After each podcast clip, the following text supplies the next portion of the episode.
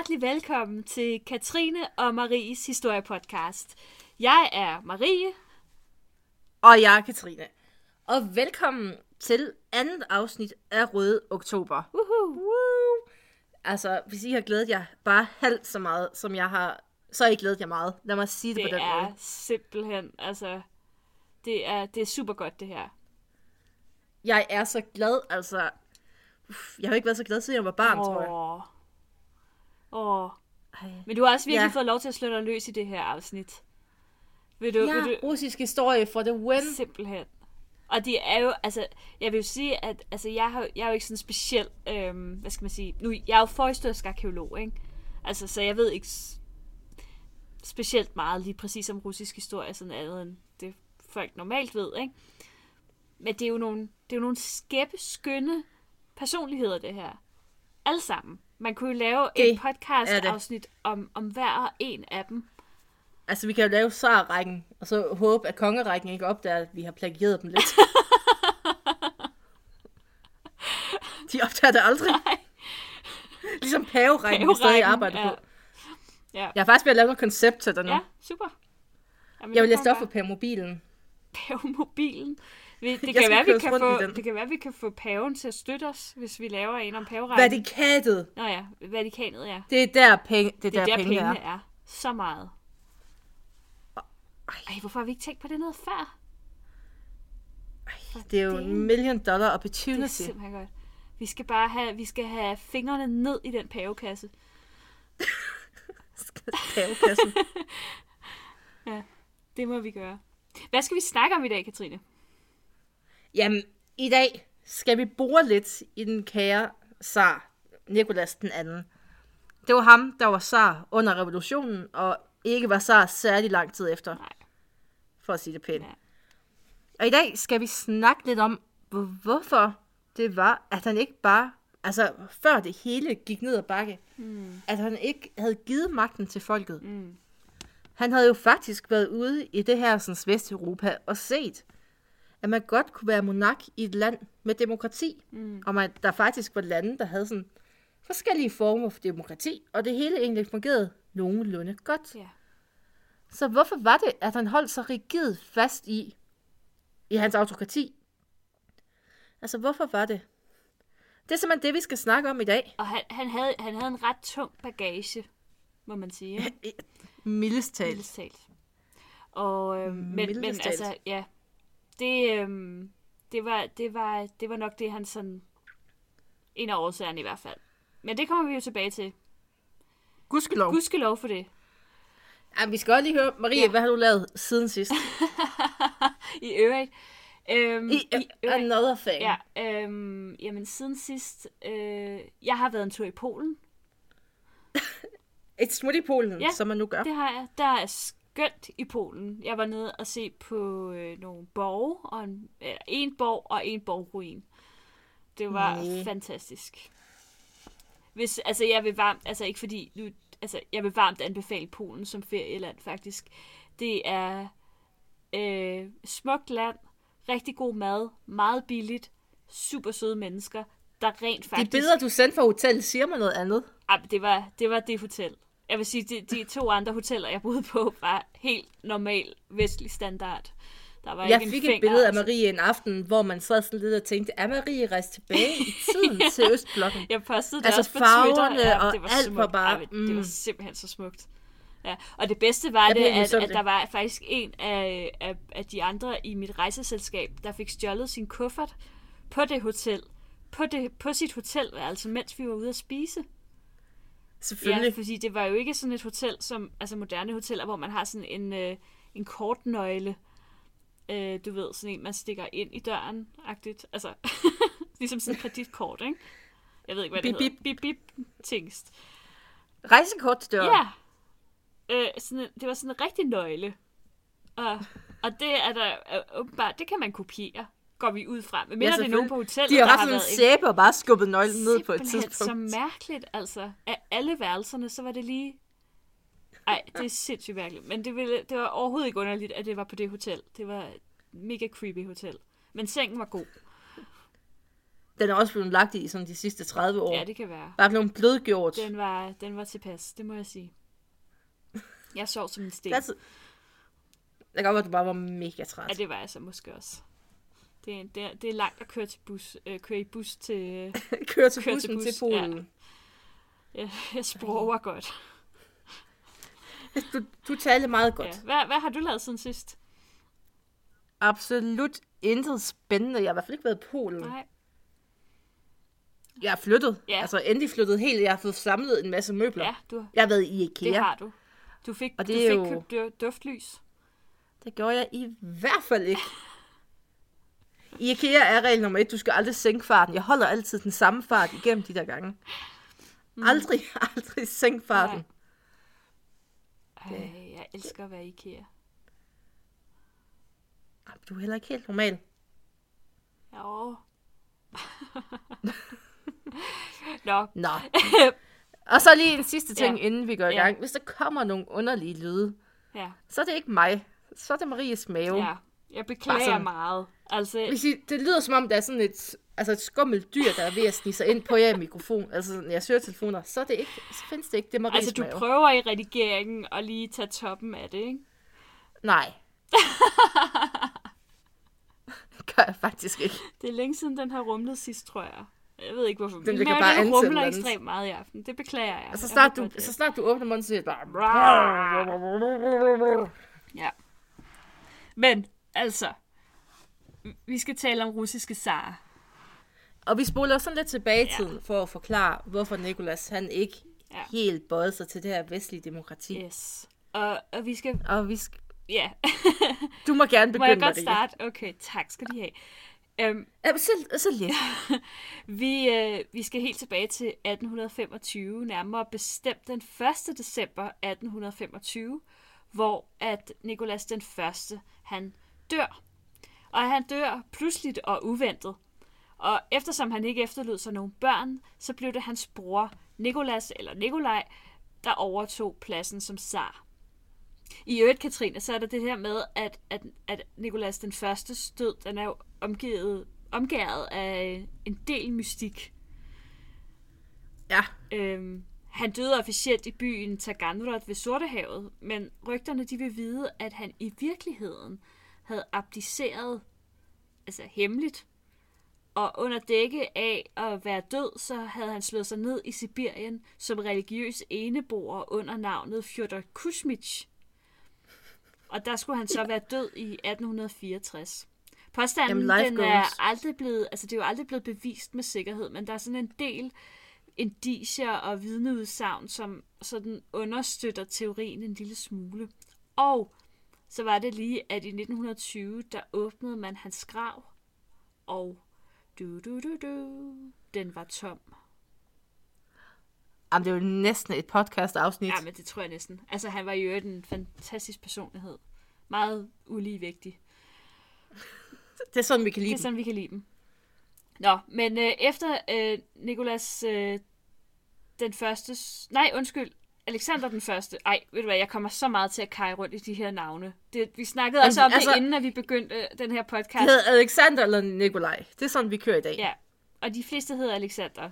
Og så er der en del... Og resten hedder Nikolaj. Det- okay. Jeg ved ikke. Ja. Jeg, jeg håber, jeg fik sagt. 1. december 1825. Alexander den første dør. Hans bror, Nikolas eller Nikolaj, overtager. Han bliver Nikolas den første. Okay, så er vi med. Og Nikolas den første styre blev indledt med et oprør, som kaldes Decapri-opstanden. Decapris, eller Decapri... Ej, det vil jeg her også lidt usikkert. Jeg tror, det er russisk for december. Kan vi sige decemberopstanden? Ja, lad os kalde det decemberopstand. Decemberopstanden. Den her opstand den blev ledet af en gruppe højt uddannede og revolutionære officerer, øh, og de havde omtrent 3.000 soldater øh, i ryggen, og de nægtede at erklære deres loyalitet til den her nye zar. De havde nemlig været i Vesteuropa i forbindelse med Napoleonskrigene, og der havde de lært alle mulige trælse ting om, ja, demokrati. Øh, Øh. For idéer, øh, frihed, pød. lighed, broderskab. Mm. Øh, som man siger, når man har været i Frankrig. Det var den russiske udgave. de er altid så, så sagt modige, de russere. De her øh, folk, der var med i øh, decemberopstanden, de ønskede sig blandt andet en fri presse og en afslutning på deres slaveagtige tilværelse, altså det, som kaldes for livenskabet. De ønskede sig derfor altså basale demokratiske rettigheder. Nikolas den første, han var først rådvild, måske lidt overrumplet af det her oprør. Han var lige kommet til som zar, og bang, så var der oprør. Øh, men da det blev aften, der beordrede han de loyale soldater til at åbne ild mod oprørerne, og de tabte ret hurtigt. Til synlædende var det ikke specielt sådan professionelt sammensat, det her oprør. Jeg mener faktisk, det er hans artilleri, der skal skyde mod dem. Og så, Okay. Jeg mener, det er ni runder, altså ni skud, Ja. ja. altså salver, de får skudt afsted, og så var det ligesom nedkæmpet. Så var det det. Ja, så Ja. Ja. Rebels Ja. kom, der lige bliver nedkæmpet der. Præcis. Og så, altså, der var selvfølgelig mange, der døde, og dem, der ikke døde, de blev så enten henrettet, eller også så blev de sendt øh, dømt til strafarbejde eller eksil i Sibirien, som man jo gør i Rusland. Det er praktisk med det der store landområde, hvor man bare kan sende folk hen. Sibirien, det er bare Ruslands losseplads. Menneskelig losseplads. Ja, det er skrækkeligt faktisk. Decemberopstanden hærdede øh, Nikolas. Han indså, at livet som zar, det var langt lettere, hvis folk de frygtede ham, i stedet for at synes, han var en flink fyr. Mens resten af Europa rodede med begreber som frihed, lighed og broderskab, skab, så var øh, Nikolas' svar ortodoksi, autokrati og nationalitet. Gud på den ene side, Rusland på den anden side, og zaren i midten som bindeled. Når zaren han udpegede folk til at blive rådgiver, så vægtede han faktisk også loyalitet højere end deres evner. Det var også en super god idé. Det ender der aldrig noget. Altså, det kan aldrig gå galt. Nej, det kan det simpelthen ikke. Øhm, og hans styre, det var baseret på frygt og uindskrænket vilkårlig magtudfoldelse, altså også det, man kalder for despoti. Folk havde ikke rum til at være ulydige, og det havde de blandt andet heller ikke, fordi han jo faktisk rådede over et meget stort hemmeligt politi og et stort netværk af spioner. Så selv hvis folk de sådan havde lyst til at være ulydige, så ja, så var det ligesom Så kom de også til Sibirien. Så kom de til også. Sibirien med dem. Sådan. Simpelthen afsted afsted. Som modtræk til zarens hårde og tyranniske kurs, så opstod intelligentiaen. Oprindeligt så var det egentlig bare et udtryk øh, eller en betegnelse for den veluddannede del af befolkningen, men nu blev det så synonym for de veluddannede, som var kritiske over for magthaverne. Blandt dem var blandt andre forfatterne Lev Tolstoy, som nogen måske ved har skrevet Anna Karenina, og Ivan Turgenev, øh, der gerne ville ruske op i det her verdensbillede, som zaren stod for. Blandt andet så var de åbenlyse kritikere af livegenskaberne, som jo stavnsbandt bønderne, bønderne, trykfordeling, Der er de bønder. Ikke lige du fået til aftensmad. Ja. Bønderne. Øh, og i praksis betød, at øh, godsejerne, de kunne holde dem som slaver. Det var sådan vel det samme som feste. Øh, ja, som vi sagde ikke? sidste gang. Festebønderne bare lidt værre. Ja, det var, de, havde, de havde lidt værre vilkår her i Rusland. Saren brød sig bestemt ikke om den her kritik, det kan man jo nærmest forvente. Øh, og øh, det fik de intellektuelle også at føle. Turgenev for eksempel, han blev sat i husarrest for at have fornærmet jordejerne, og mange af de andre øh, intellektuelle, de blev øh, mere eller mindre frivilligt øh, sendt i eksil. Men inderst inde, der vidste sig Nikolas jo egentlig godt, at han på sigt blev nødt til, eller at man på sigt blev nødt til at afskaffe det her slaveforhold, som var så kritiseret. Han mente bare ikke, at tiden var kommet til det endnu.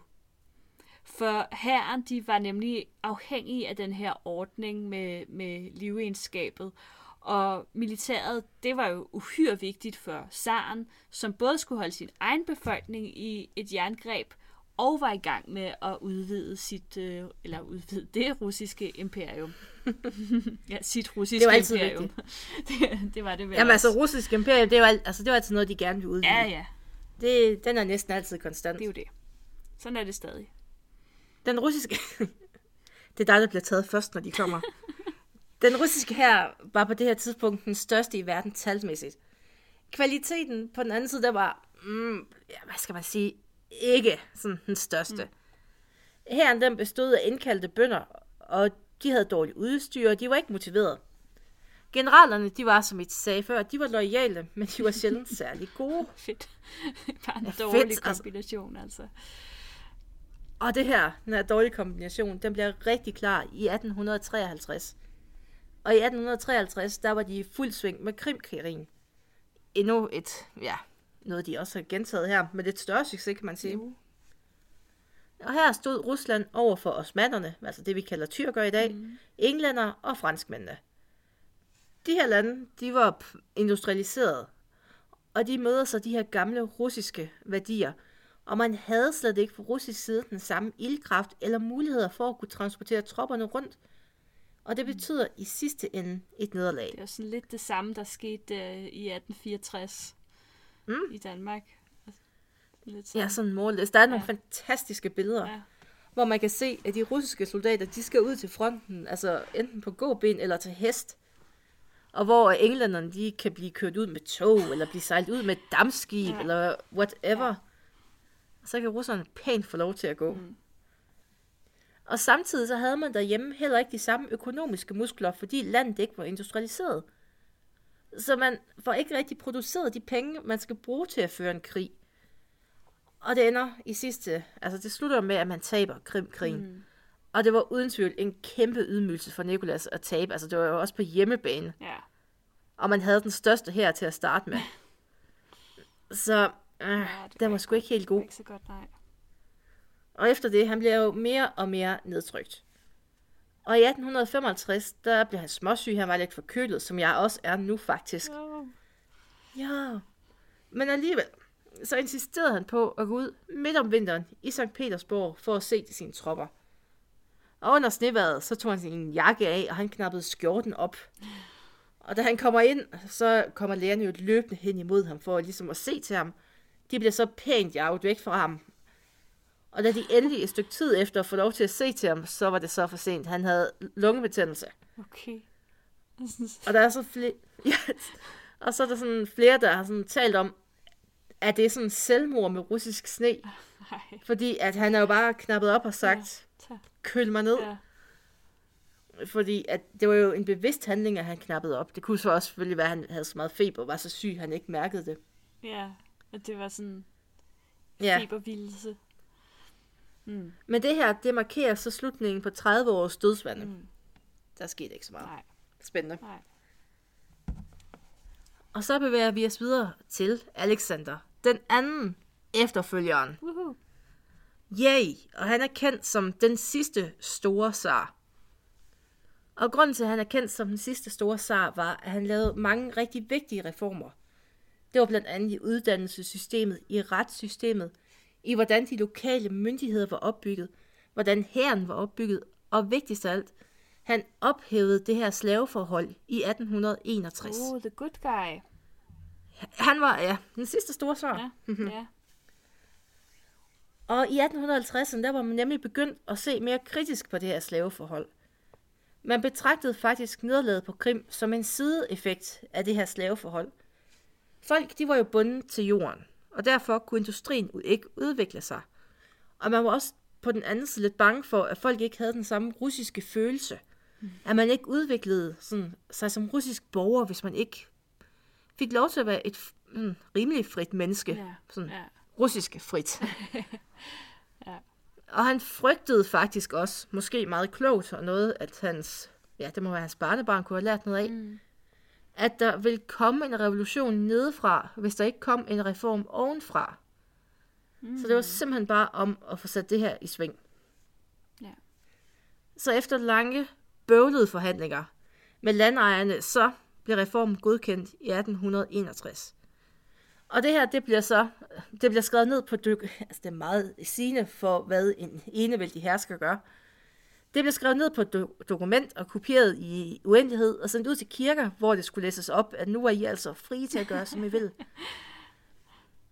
Ja, og han, altså han troede jo også, måske ja. lidt naivt, at når han sagde, det, at sådan blev det, så ville det bare... Så var alle bare Gå glade og frie. Så var alle glade. Ja, ja, og så hvis man læser dokumentet sådan lidt mere kritisk. Altså bønderne, de får selvfølgelig lov til at eje deres egen jord. De får lov til at gifte sig, som de vil, og de kan få lov til at stemme i lokale valg. Mm-hmm. Landejerne, de led dog ingen nød. De var nemlig gode til at forhandle. Mm-hmm. Den her reform, den bliver, øh, det, altså det kommer til liv sådan, at jorden, den bliver splittet op i to tredjedele til landejerne og en tredjedel til bønderne. Og landejerne, de fik egentlig selv lov til at vælge, hvad for noget jord de ville have. Og gæt, hvad for noget jord de valgte. Det var i hvert fald ikke den dårligste. Nej. Nemlig. Og bønderne, det der var så tilbage, den der tredjedel, de får, der skulle de faktisk betale for retten til at bruge den her dårlige jord. Ej, Og de penge, de går til landejerne. ej, hvor er det strengt. Så bønderne, de starter deres frie liv i gæld til deres gamle altså ejere. Ej, Uhuh. det er jo Og totalt så- så... sådan noget... Det, Ja. det er jo snyd. Og som, og som prikken over i, så fik landejerne faktisk også kompensation for den tredjedel land, de havde opgivet. Så, mm. ja, men fr- frie var bønderne nu. I princippet i hvert fald. Og så, hvis I husker tilbage på det afsnit, vi havde sidste gang, det er jo så her, at bønderne, de begynder at rejse ind til byerne også, for at få den her industrialisering i gang. Fordi nu kan de gøre, som de ville. Ja. Woohoo! ja. Men det var ikke kun over for bønderne, at, øh, at Alexander, han ligesom på overfladen i hvert fald, var, var god. Øhm, han indførte også glasnost, og øh, det er jo et udtryk, som en del mennesker kender fra lidt senere tid, øh, faktisk fra 80'ernes øh, sovjetiske politik, Mikhail Gorbachev. Hans politiske linje blev kaldt glasnost. Det betyder faktisk bare åbenhed. Og i det her tilfælde, der betød det, altså i øh, Alexanders tilfælde, betød det sådan set en, ja, han fjernede censuren. Øh, han gav ytringsfriheden. Dumt, dumt, dumt. Ja, han gav ytringsfriheden tilbage. Og som det også viste sig i øh, 1985, da Mikhail Gorbachev han gjorde det, så var det ikke lige frem. Altså, det er jo en god beslutning, bare ikke for magthaverne. Altså, man kan jo ikke sige, det er en fejl, fordi vi synes jo, det er godt at have ytringsfrihed, men ja, det kan også være... Det, det er lidt ligesom, hvis Inger Støjbjerg, hun gik lidt og sådan, var lidt træt over, at vi har ytringsfrihed. Ja. Hun vil, hun vil have en antiglasnost. Hun vil have en antiglasnost. Øhm, I øvrigt så gjorde Struense jo det samme i, i Danmark i, i 1770'erne eller sådan noget der omkring. Man skal jo passe på med at være den første, der giver åbenhed. Ja, lige præcis. Det giver sådan lidt bagslag, ikke? Fordi så kan befolkningen jo lige Ofte, pludselig ofte. Øh, begynde at sige alle mulige negative ting om, om dig Og så kan de leder. læse, at andre de er enige med, I er uenige i mig. Lige Og nej, præcis. nej, nej, nej. Og så ender Et jerngreb. det er, Det er sådan, det det skal føres, godt. Maria. Ja, du ved det, du ved det. Øhm, ja. Ja. Og Det var øh, jo også en beslutning, der kom tilbage og bed ham i røven for at sige det det må pænt. man sige, fordi nu kunne befolkningen jo åbent tale om, hvor uretfærdige reformerne jo reelt havde været. Og så voksede der en ny generation frem, og de blev kaldt for studenterradikalerne. Og de her, den her nye øh, gruppe eller generation, de ønskede simpelthen en revolution for at komme af med zaren. De ville ikke bare have reformer, øh, eller jo, men det skulle være sådan nogle meget, en meget omvæltende reform i hvert fald. Jamen, de så jo sådan som den bremsende faktor. Ja. Fordi han havde jo svigtet mm. bønderne i de her forhandlinger. Mm. Han har jo trods alt givet altså hele kagen Ja. til landejerne, så havde bønderne fået noget krymmel ja. Ja. for sådan. Ja. Ja. Og øhm, ja, de ville jo af med zaren, og det ville de sådan ret bogstaveligt talt. Og øh, det lykkedes faktisk også for studenterradikalerne at slå Alexander ihjel. Øh, men det krævede flere forsøg. Sådan en zar er ikke helt nem at komme af med. Ja, der var sådan flere bombeattentater, der var gået galt. Ja. Der var på et tidspunkt, hvor de sådan får sprunget hele deres spisestue i luften, og den eneste grund til, at han overlevede, det var, at han kom lidt for sent den dag. Åh, oh, gud. Hvad så? Åh, oh, gud. Ja. Jamen, det, det, det er faktisk ikke sjovt. Det er faktisk, der er sikkert nogle andre, der Du griner altid af attentater. det, jamen, det er simpelthen... Jeg er et, jeg er et grusomt menneske. Du griner også af folk, der falder på nej, den nej, gade. det gør Gamle jeg, det mennesker, gør der jeg falder. ikke. nej, nej ja, sådan er jeg ikke. Nej. Øhm. Undskyld.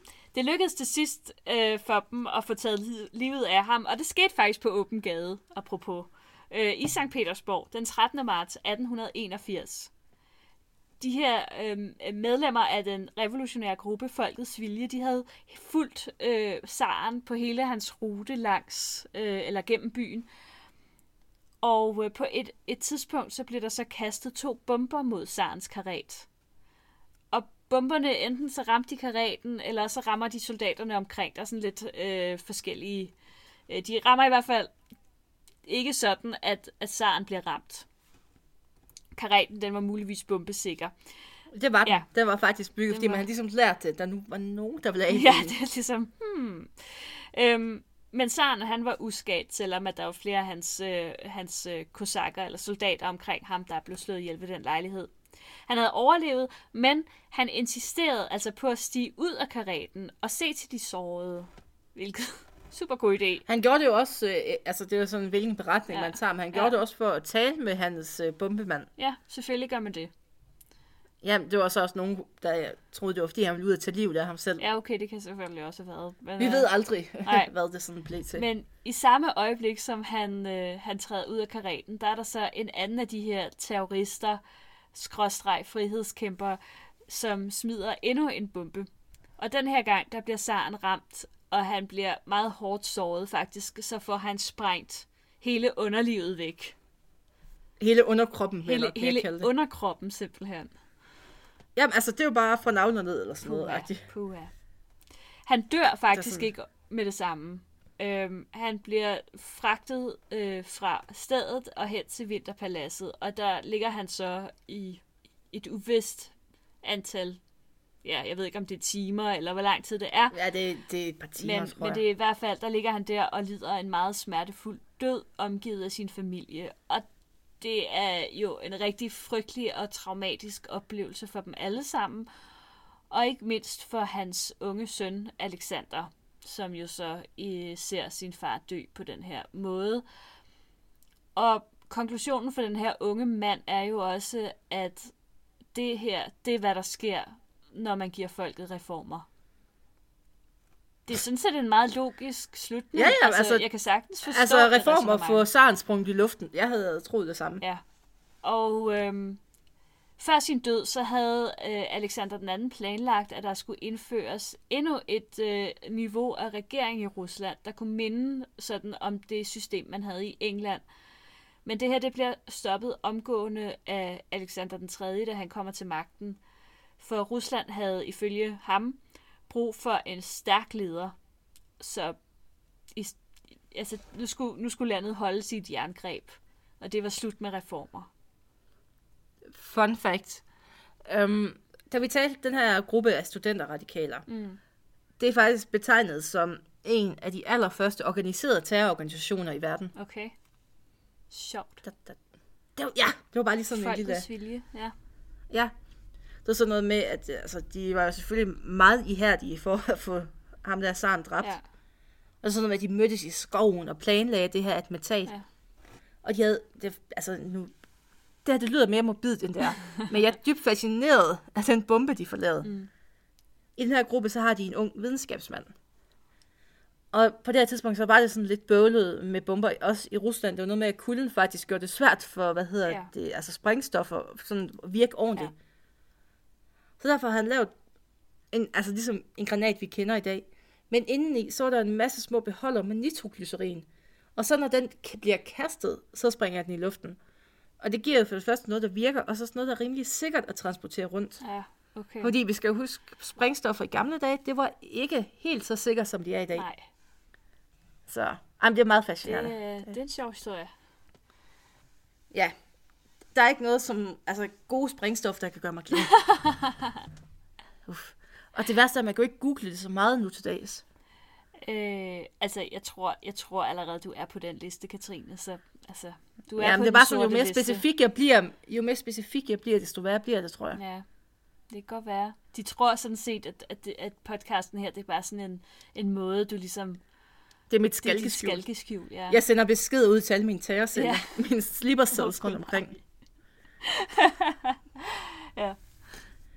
Sådan Nå, nu vi snakker om Google. Ja. Øh, hvis du sidder derude, kære lytter, mm. og har adgang til et Google, et eller andet device, en telefon, computer, så må du gerne google Alexander den 3. Har du googlet? Jeg googler nu. Prøv lige at se ham. Prøv lige at se den Ja, mand. han er flot. Især, det, altså, hvis I skal få det bedste billede af nærmest hans selvopfattelse, mm. så er det malerierne. Han er jo, altså det er jo russisk maskulinitet opsummeret. Manden, han var stor som en bjørn, altså han var 91 høj, det var sådan, temmelig godt dengang. Mm. Og bred og altså virkelig muskuløs, og han havde et prægtigt skæg. altså selv Putin, han må skæve lidt til ham og tænke, what a man. Ja. Hvis der havde været Altså- billeder af af foto på det her tidspunkt, det var der vel også egentlig. Jamen altså Ja, de der så, små, øh, altså, Så havde, var han også blevet fotograferet med en bjørn og sådan noget. Jamen altså, Putins feriebilleder, de blegner jo faktisk lidt. Han, altså, Putin, han ser jo nærmest hulbrystet ud ved siden af. Ja, ja han, er, han er en flot fyr, ham her. Det er han. Og til fester, der var sådan, altså hans trick til en fest. Altså nogle gutter i dag, de tager gitaren med og synger Wonderwall. Alexander, han tog en jernstang med, og så bukkede han med de bare næver. altså, han var virkelig mand med stor lem, kan man sige. Altså, ja. Sådan. Sådan. Jamen gør du ikke også tit? jo, altså, lige- altså jeg har altid en jernstang med, når jeg går til fest. Man ved aldrig, hvornår man får brug for en jernstang, Marie. Det er rigtigt.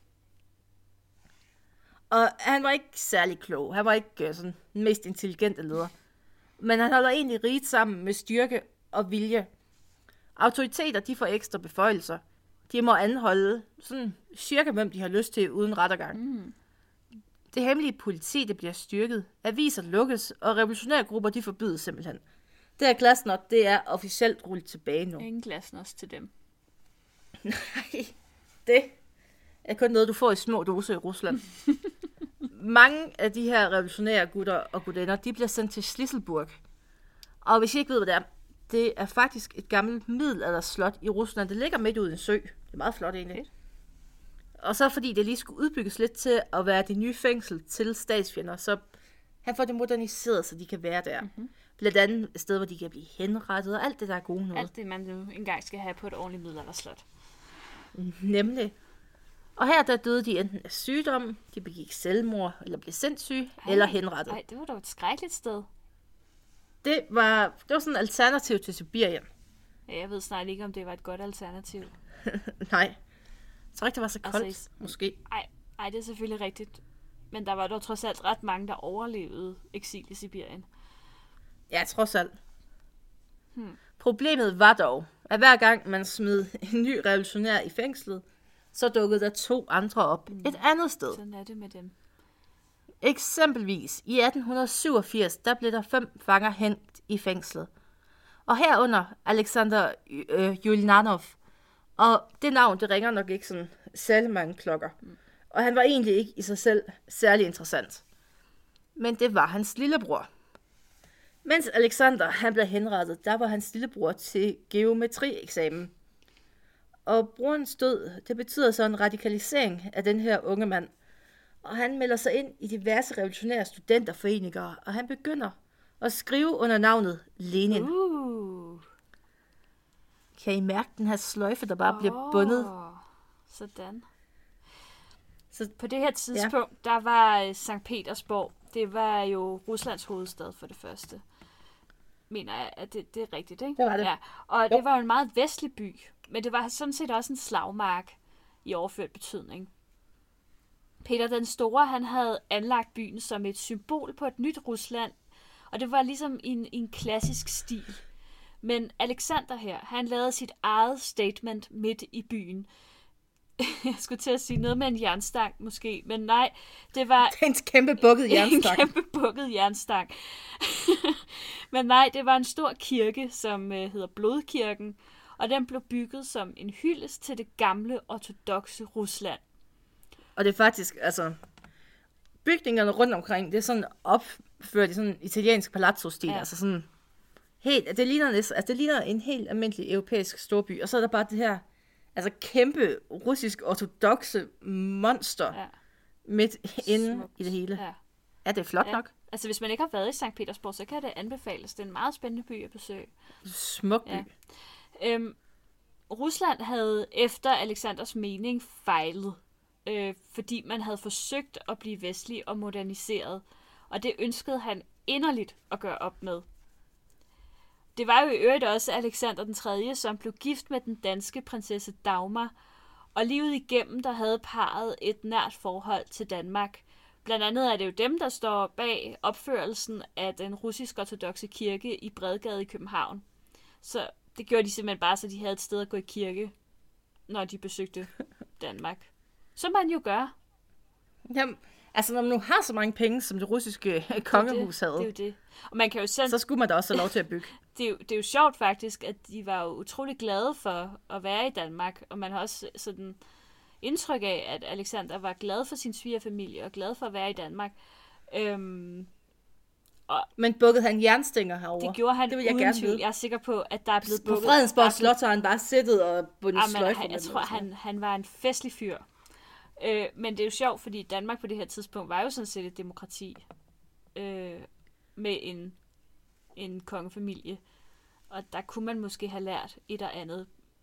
Når det er sagt, det skal vi snakke om i et andet, i et andet podcast afsnit måske. Men der var selvfølgelig også en, en lidt betændt situation, politisk situation i Danmark i, i 1880'erne. Men det er en anden historie. Øhm, desværre så øh, døde Alexander ung, og, og øh, det gjorde han i 1894 i en alder af 49 år. Formentlig af en nyresygdom, eller måske ikke formentlig, det var en nyresygdom. Og øh, derefter så overlod han zartitlen til sin 26-årige søn, Nikolas. Der er bare ingen af dem, der dør i af Ved du hvad, alderdom. det tænkte jeg faktisk også på, at der... De er sådan lidt svagelige, er de ikke? Jo, altså det er... Noget De skrav. russiske zarer, de, de dør ikke... Øh, nej. Af alderdom. Ja, det var det, du sagde. Så, Det var der, vi skulle det var sådan noget der omkring. jeg skal lige have et nyt batteri ind i kroppen, tror jeg. Godt så. Ved hvad? Det er bare sjovt. Så taler jeg lidt, imens du lige skifter. Nikolas, han var cirka lige så russisk som sin far. Udadtil, der var han egentlig sådan meget moderne og sådan lidt, altså, kosmo, altså kosmologisk. Altså han var sådan, han virkede meget moderne, men indeni, der var han cirka lige så russisk som sin far. Flot fyr dog. Mm, ja, i forhold til sin far, så ville jeg nok foretrække ham, tror jeg. Oh, det har jeg slet ikke forholdt mig til. Vi må have sådan en rating, sådan ja, BuzzFeed-agtig. Ja, han var en flot fyr. Ved sin kroning, der lagde han vægt på, at han ville videreføre autokratiet. Og ved siden af det her med, at han var meget glad for Rusland, så var han også meget religiøs. Det her, det gennemsyrer hans tilgang til hele sit virke som zar. Eksempelvis blev der bygget rigtig, rigtig mange kirker. Mm. I den korte periode, hvor han er regent, der blev der faktisk bygget flere kirker, end der var gjort de sidste 100 år før. Så der bliver bare smækket nogle kirker op her. Og forhold til Gud var for ham meget personligt. Og hvis, han, hvis der var krise, så reagerede han ofte med, at han skulle sidde og bede i et par timer, før han overhovedet tog sig af det. Nej, jeg skal Det ikke også... sidde og grine af det. Det er der jo Det er selvfølgelig. meget betryggende. Det er meget betryggende. Ja, Ja, jeg er også en stærk leder. det må man sige. Men han var egentlig heller ikke rigtig effektiv på grund af det her. han tog forhold som Gud skråstrej zar, altså ham som bindeled mellem Gud og det russiske folk, meget seriøst. Mm. Og det betød jo så, at i hans optik, at Guds vilje strømmede fra, altså fra Gud igennem ham og ud til alle russiske borgere. Mm. Så derfor var det rigtig svært for ham at skulle delegere opgaver, og han havde faktisk ikke engang en sekretær. Sådan. Han ville tage sig af alt selv, fordi at det var jo Guds vilje, der skulle flyde igennem ham og hjælpe folket. Mm. Og hvis man delegerede opgaven, så var det jo ikke Guds vilje, der kom ud. Mm. Fedt. Så han sad jo tit rigtig lang tid med fuldstændig altså ligegyldige biokratiske, altså biokratiske beslutninger om soldater, der skulle have overlov. Ja. Det sad han jo siddet og underskrevet. Og så alt imens, så bliver vigtigere ting skubbet til side. Mm. Og det vil sige, at en periode, hvor det her sådan, grimme kommunisme, det vokser frem, der er han så lidt mere optaget af, altså fuldstændig ligegyldige ting. Ja. Hmm. Ja, Det, er ikke, det er nemlig. ikke så smart. Detaljeorienteret Og nu lad- ledelse, Ja. det, det, kan, det, det kan være en kæmpe Det kunne han godt have uddelegeret, det her. Det må man sige. Og nu endnu et callback til sidste uge. Jeg prøver bare at booste lytterne nu. Jamen, det er fint. Bloody Sunday, vi talte om sidste gang. Det er ikke den i Nordjylland. Nej, det er the OG, den her. Den rigtige. og de her efterfølgende uroligheder. Det var egentlig det første store hak i hans prestige. Fordi her bliver han jo tvunget til at give mere frihed og øh, mm. en forfatning Øh. og en duma. Øh, altså forfatning og en duma, altså et folketing. Ja. Og ved åbningen af den her Duma i Vinterpaladset, der havde Nikolas jo faktisk mulighed for at tale både til borgerskabet og til de udvalgte almindelige russer, der var kommet ind i den her Duma. Og det er faktisk et smukt billede, hvor at, øh, de står sådan adskilt, altså borgerskabet på den ene side af salen, og de sådan meget almindelige mennesker på den anden side mm. af salen, og bare kigger ondt på hinanden. Der er ikke nogen, der lige går over og siger dag. Nej. Lad mig sige det på den måde. Men med den her lejlighed i talen, der vælger han ikke at gå forsoningsvej. Han holder faktisk fast meget eksplicit i sine forpligtelser til autokratiet. Og da han siger, at det er det, han vil arbejde for, så klapper borgerskabet og siger, hørt. Og de andre, de er meget, meget stille. Hmm. Hvis man har været lidt, øh, lidt knå, så kunne man godt have set, hvor det bare hen af, Ja. det her. Ja. Efter den her ydmygelse, så brugte familien mere og mere tid på landet i Alexanderpaladset. Det ligger sådan en 30-40 km ude fra St. Petersborg. Her hyggede de sig egentlig, og, på, og det, det gik egentlig ret godt. Men selv her var der altså også kriser. Hmm. Som vi snakkede om sidste gang, der var hans fire ældste børn piger, og de var derfor fuldstændig ubrugelige for affølgen, så dem snakker vi ikke om. Men i 1904, der får de sønnen Alexi. Og man skulle tro, at nu var arvefølgen sikret Jubin. Men drengen, han var faktisk syg og svagelig. Han havde arvet blødersygdom fra sin oldemor, altså det vil sige fra, altså på mors side, Mm. fra dronning Victoria. Uh. Og ja, det var jo dengang, altså der kan man sådan spore hendes linje rundt i de europæiske Ja, kongehus. det er jo simpelthen indavl det hele, men det er vel egentlig også, er det ikke også en af årsagerne til, siger man ikke det? Eller var det noget, man Jo. sagde i gamle dage? Nej, men det, altså det er jo ikke uh, indhavn, det er mere fordi, at så hænger det bare fast og går videre ned, så det er Okay. lige meget hvem, altså, Mm. det er ikke så meget med indavl at gøre, Okay, heldigvis. Det er godt. Han, altså, selvom han så lidt, lidt skravlet ud, så var han ikke indavlet som sådan. nej. Og i dag, der er det ikke så stort et problem, men dengang, der var det en dødsdom. Mm. Og man holdt det her hemmeligt for offentligheden, for det var virkelig, virkelig vigtigt, Ja. at de ikke fik nys om, at affølgen måske var i krise. Ja, det er det. Præcis. Yes. Ja. Som, øh, som treårig, der kom den her lille Alexei til skade, mens han legede, og det var ret, al- en ret alvorlig skade. Hans tilstand var faktisk kritisk. Lægerne de gav fortabt, og de desperate forældre de gjorde, som så mange andre forældre ville gøre i den situation. De søgte alternative behandlingsmetoder. I det her tilfælde, der fik de fat på munken Rasputin, en ortodox Eller hvad han nu var. eller hvad han nu var. Han var vist nok selvudnævnt. Luskepels. Luskepelsen jeg, jeg, jeg har skrevet luskeren fra Sibirien. Luskeren fra Sibirien, ja. Han var en... Eller Russia's Greatest Love Machine. lover of the Russian Queen. Øhm, en ortodox kristen og mystiker, sådan, som sagt selvudnævnt, øhm, ja, hvad skal man kalde det? Munk, hellig mand.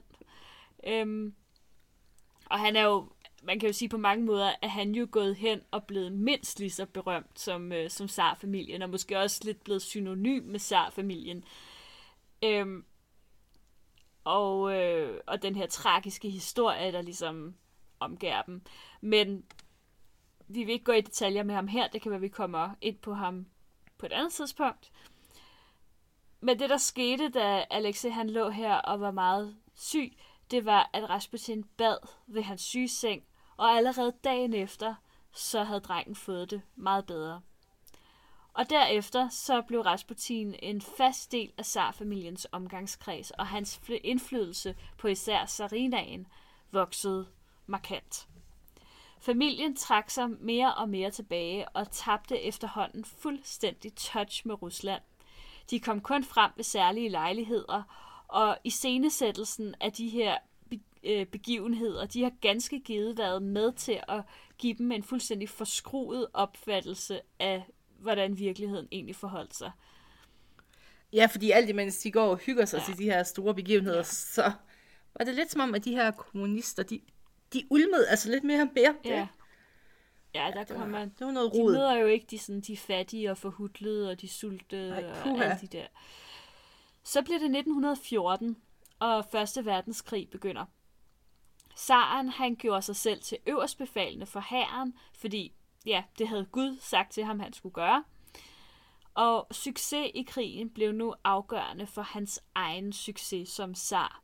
Og han gik Ja, han havde, han havde jo siddet og bedt Ja. til sådan, de havde et ikon i familien, Ja. sådan lidt, de havde udvalgt, det var sådan familiens ikon. Ja.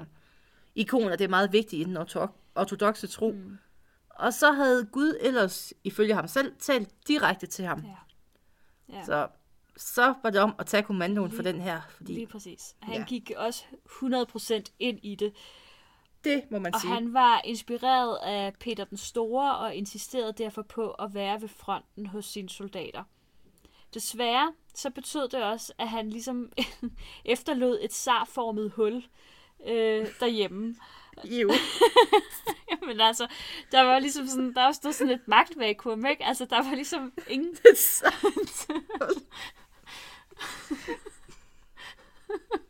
Man ser det for sig. det, det der. Nej, Der tog jeg, der var. det gjorde du i hvert fald direkte fra skabet. Jeg vil lige sige, det er Katrine, der har skrevet det manuskript her, og, øhm, og lige præcis det her, det havde jeg så tilføjet. Jeg har ikke skrevet noget om Du huller. har ikke skrevet noget om sarformede huller. Øhm, ej, han, øh, han, han var jo ikke til stede i St. Petersborg, og det skabte altså nogle problemer derhjemme. Øhm, det har uden tvivl forværret situationen, at han var fraværende derfra. For mens øh, zaren han var væk, så begyndte urolighederne nemlig i St. Petersborg. Hans bekymrede hustru skrev til ham og fortalte om, hvad det var, der foregik, og Nikolas han beordrede straks den lokale garnison til at gøre noget ved de her problemer, uanset hvordan. Igen så gav hans beslutning bagslag, fordi det var den lokale garnison åbenbart ikke sådan rigtig opsat på at følge hans ordre, så det ledte til mytteri, og det blev i praksis begyndelsen på den russiske revolution. Det gik heller ikke for godt for den stakkels Nikolas ude ved fronten, for generalerne de havde kørt ham ud på et sidespor. Modsat hans, eller måske hans egen opfattelse, så så de ham som en hindring for sejr, og de sendte ham altså hjem igen til St. Petersborg. På vej i toget, der modtog han telegrammer, der fortalte om sammenbruddet i byen. Hans rådgiver mente, at han blev nødt til at abdicere for at sikre Rusland. Og her kom patrioten op i ham. Han lyttede faktisk for en gang skyld til sine rådgivere. Men han skrev kun under på sin abdikation med en blyant. Jeg går ud fra... Ja, det er sådan lidt som om, man ikke mener ja, det. så er det ikke sådan helt hjertet. Altså, det kan man jo bare viske ud igen, ikke? Præcis. Ja. Jeg synes, det er en smuk detalje. Ja, det er det også. Og her slutter fortællingen. Vi ved godt, hvordan det ender. Det fortalte vi sidste gang. Det, det var ikke helt godt. Nej, Det, det er faktisk det var kun hunden, der overlevede den tur i kælderen. Åh. Altså det, ja, det er faktisk, det er jo en rigtig tragisk historie, og man kan sige, set ud fra sådan et rent menneskeligt synspunkt. Jeg kan ikke, jeg kan ikke lade være med at få ondt af ham. Altså, jeg synes sgu, det er synd for- for dem. Og for Han ham. vidste jo ikke bedre, Nej, kan man præcis. sige. Altså, og, og det der, jeg postede jo et billede på Twitter forleden dag, øhm, hvor han sidder på en træstup, og man kan se, at han er sådan udmagret og så videre. Det skulle efter sine være et af de sidste billeder, hvis ikke det sidste billede, der er taget af ham inden henrettelsen. Jamen altså, Og- den der tid i eksil, ja. den var jo ikke rar for Nej. ham, fordi de brugte jo også rigtig meget tid på at ydmyge ham. Ja, Der er sådan en historie med, at han kommer cyklende lige så glad ned ad vejen. Ja. I det der i Alexanderpaladset, hvor de var i starten. Mm. Så nogle af de her revolutionære soldater, de stikker så en kæp i hjulet. De, altså, Bogstaveligt talt. Så han falder, og så står de bare og griner af ham. nej, Og så. ja. men det, altså, Den sidste tid, den var ikke rar. nej, og det er bare, altså, det er sgu synd for ham. Det synes jeg, Men, ja. men, Ja, men. ja. Altså, han skulle måske have lært noget af de besøg, han jo faktisk havde i udlandet. Han rejste jo blandt andet til England kort vej, hvor han ser House of Commons. Mm. Og han har egentlig overvejet en debat, og han var efter sigende meget imponeret over den her måde, altså den her konstitutionelle demokrati. Ja. Og han har også været i USA, hvor han udtrykte altså interesse i kongressen og hvordan det fungerede. Mm. Problemet var, at det aldrig kom til udtryk hjemme i Rusland. Så hvis man ser det sådan i retrospekt, så havde det jo nok været en rigtig, rigtig god idé at få implementeret nogle af de her ting. Altså lidt ligesom nogle af hans forfædre havde tænkt, at reformerne ovenfra, det er bedre at komme med dem, mm. end revolutionen kommer nedefra. Mm. Og, men når han træffede sine beslutninger, så havde han jo kigget på fortiden. Og det er jo, altså virker meget som om, at han havde kigget tilbage. Ja. Og han havde jo set, at de triumfer, Rusland havde haft, det var på grund af altså, autokratiet og de ledere, man havde haft. Mm. Og det jo havde jo gjort landet til en verdensmagt, altså Peter den store, Katarina den store, ja. Som var enevældige herskere. Men det er bare som om, han ikke havde forstået, at tiden rundt omkring ham også havde flyttet sig. Mm. At der var kommet idéer udefra. At verden ligesom var kommet videre fra det her. Ja. Så der skulle han måske have været lidt mere villig til og ja, Mm. ikke kigget baglæns, men måske bare kigget, hvor han var lige nu. Ja. Det, Men så kan man jo være så klog, sådan kan man være så klog. når man er mig. Ja, men det var meget klogt. Jeg tænkte Ja. nok. Ja, det er i hvert fald, øhm, altså, ja, uanset hvad, man kan jo godt på sin vis forstå, at de, de blev jo nødt til også at, at henrette ham og familien, fordi hvis de ligesom havde overlevet, så ville, ville de sartro jo have haft øh, et, et, Jamen, de stod jo kun kilometer fra ham, Ja. de hvide, ja, de de hvide. vi, ja, altså ikke, Så de var jo nødt... ikke Ja, det er fodboldholdet. ikke AGF-fan. Det var ikke, det var ikke AGF. Men altså, det var jo nødt til at få ham henrettet. Ja, det og selv hvis de havde sendt ham til udlandet, så var det jo heller ikke blevet. Ja, så havde han jo siddet derude. Så kan han jo komme tilbage. ja, Det jo. skal vi ikke have. Ja, det er jo det. Så øhm, nej. Så det var, der var ligesom, der var, der var desværre nok kun én løsning. Altså man, man, det betyder jo ikke, at man, kan, at man skal bifalde den løsning. Altså, men der er altid flere sider af en sag, kan man sige på den Ja. måde. Og, og det er jo en, det er jo en tragisk historie. Og med de ord, så tror jeg, at det var, var det for, øh, for, for Ja. anden episode i vores røde oktober måned. Har vi, Ja. har vi ikke lige nogle praktiske oplysninger, tænker jeg, i forhold til, hvad der kommer til at ske i... Øh, det bliver jo så i uge... Ja, der, noget af det sker jo faktisk i, i næste uge, uge 42. Jo, onsdag. i uge 42, onsdag i uge 42, det bliver også sendt ud til jer, kære Patreons. Ja. Der har vi vores første livestream. Woohoo! Og der skal vi faktisk sidde og lege med Voynich-manuskriptet, Marie og jeg. Det bliver... Vi skal prøve at bryde det. Og det gør vi selvfølgelig. Vi dekodede det på en time eller to. Det, Det øh, sådan er det. skal ikke rave vidt i min optik. og I kan få lov til at se Marie sidde og spise chips, og Ej, det bliver det fantastisk. bliver meget erotisk.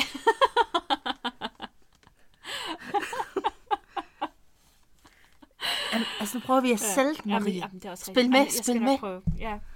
Jeg, er en, jeg er en slem pige med de chips.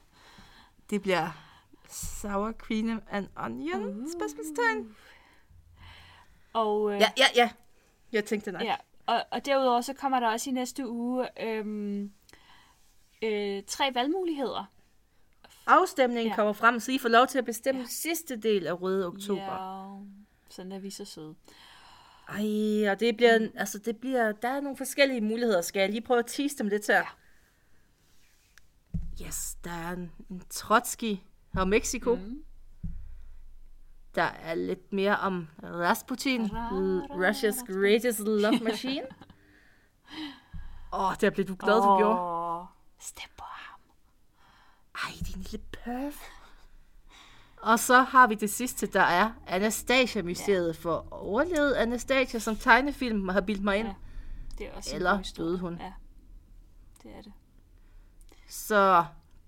Da, da, da. Så hvis du ikke så allerede får- støtter os på Patreon, så gå, gå flux ind og gør det, fordi så får Og du man kan gøre det for mindre end 10 kroner Ja, om måneden. Det kan man nemlig. Altså, og- Og så får du lov til at bestemme, om I skal høre ra, ra, Jeg skal- jeg lover- lover of the Russian skal vi prøve at love at lade være med at synge i det afsnit eventuelt? Nej, det kan jeg ikke love. Nej, det kan godt være.